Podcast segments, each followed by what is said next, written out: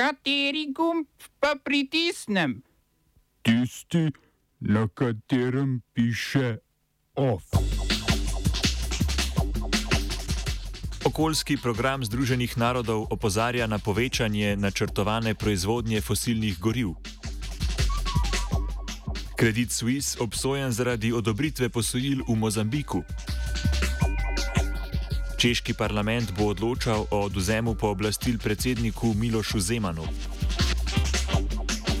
Mandatno-volilna komisija podprla kandidaturo Roka Svetliča za ustavnega sodnika. V kulturnih novicah pa razstava Iščem stanovanje v sedanjosti udejanja preteklo novogradnjo.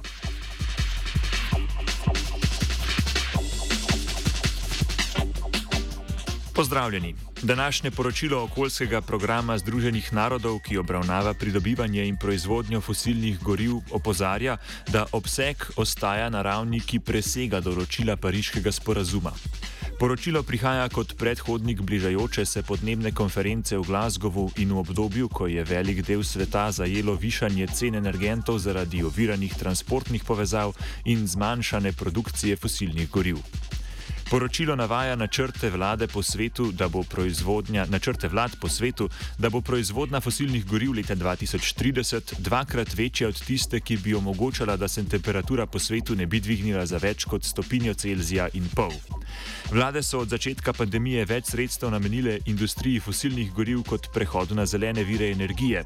Večina dosedanjih državnih in zasebnih proizvajalcev nafte, zemljskega plina in premoga načrtuje povečanje proizvodnje tudi po letu 2030.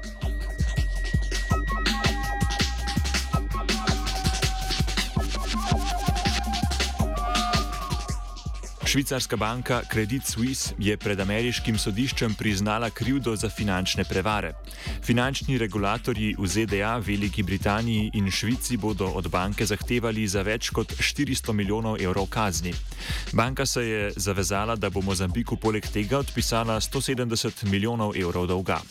Gre za del sodnega spora med državo in banko, ki se vleče že od leta 2013. Takrat je državno vodstvo v tajnosti sklenilo več pogodb o finančnih posojilih v višini dobrih 2 milijard evrov s Credit Suisse in rusko banko VTB. Tako imenovana posojila za tune, ki naj bi jih vlada uporabila za razvoj ribištva, kmetijstva in varnostnih sil, so postala zaradi dogajanja na trgu zemljskega plina in korupcije za Mozambik neuzdržna.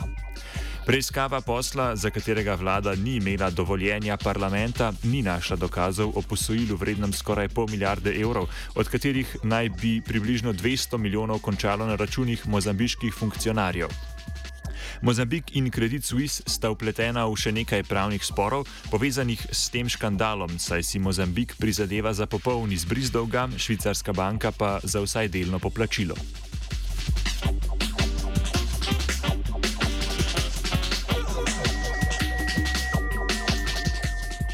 Podporniki iraškega gibanja Fatah so včeraj v Bagdadu protestirali proti rezultatom iraških parlamentarnih volitev, ki so potekale 10. oktobra. Podporniki tega proiranskega gibanja, ki je povezano s šiitskimi milicami, so prepričani, da so bili rezultati volitev ponarejeni. Fatah je na volitvah osvojil okoli 15 sedežev v 329 članskem parlamentu in je tako največji poraženec volitev, saj je prej z 48 sedeži predstavljal drugo največjo politično silo. Največja stranka je s 60 sedeži postalo gibanje šiitskega klerika Moktade al-Sadra. Uradne rezultate volitev mora potrditi še Zvezdno sodišče.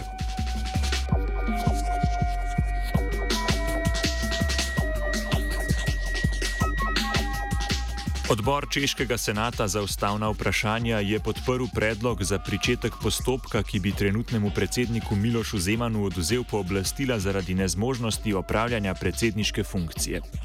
Češki predsednik je še vedno v bolnišnici, njegovo stanje pa po poročanju zdravniške ekipe ostaja resno. Zdravstveno stanje predsednika je dodatno oteležilo formalno oblikovanje nove češke vlade, saj predsednik podeli mandat za sestavo vlade. Koalicijski pogovori med liberalnim zavezništvom Pirati in Župani ter konzervativnim zavezništvom Spolu v prevodu skupaj, ki ga sestavljajo stranka Top Nič 9, Demokratska državljanska stranka in Krščanski demokrati, potekajo nemoteno. Ob tem je češka policija sporočila, da odpira preiskavo zaradi morebitnih kaznjivih dejanj zoper republiko. Ta naj bi zajemala delovanje več predsednikovih svetovalcev v obdobju Zemanove hospitalizacije in pred njo.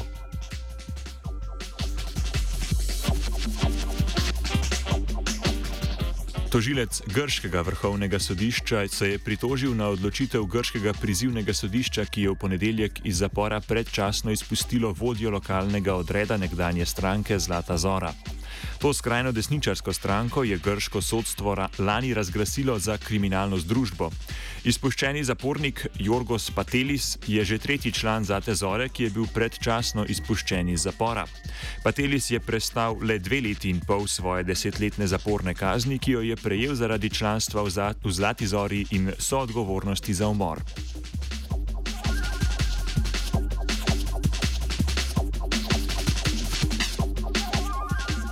Nemško zvezdno toživstvo je sporočilo, da je policija aretirala dva bivša pripadnika nemške vojske in varnostne službe Asgard. Oba sumijo, da sta skušala osnovati najemniško skupino, ki bi vključevala med 100 in 150 bivših vojakov in policistov ter delovala na območju Jemna. Člani varnostne službe Asgard so bili že v preteklosti tarča preiskovalcev zaradi domnevnega delovanja na območju današnjega Južnega Sudana. Oba, če, bom odgovoril na angliški.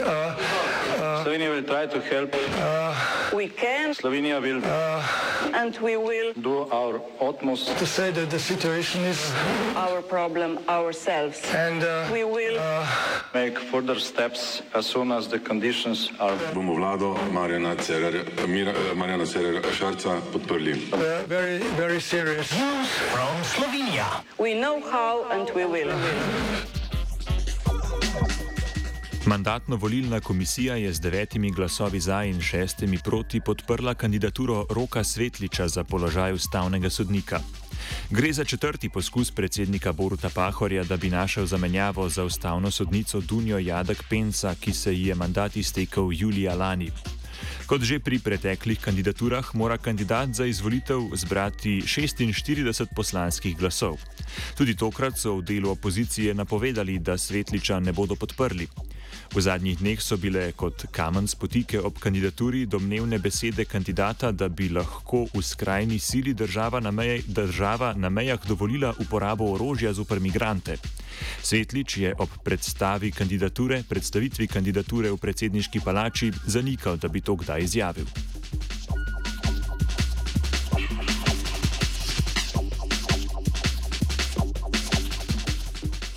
smo pred novo serijo ministerskih interpelacij. Uvodno, že drugo so danes uložili poslanci Levice, SD-ja, LMŠ-a in Saba ter skupina nepovezanih poslancev zoper notranjega ministra Aleša Hojsa. Pet pred 12. so interpelacijo dopolnili, saj so v spisku dodali še opustitev dolžnega ravnanja zaradi Hojsove navedbe, da je vedel za nedavno objavljeni posnetek ministra za okolje in prostor Andreja Vizjaka in poslovneža Bojana Petana, a tega na to ni prijavil. Poleg tega so v interpelaciji navedli še delovanje vlade z odloki, politizacijo in militarizacijo policije ter protiustavno poseganje v človekove pravice z nepravilnim izvajanjem 9. člena zakona o nalogah in pooblastilih policije. Na obravnavo v državnem zboru čakata še interpelaciji zoper ministrico za izobraževanje, znanost in šport Simono Kustec ter ministra za pravosodje Marjana Dikaučiča. OF je pripravil Dominik.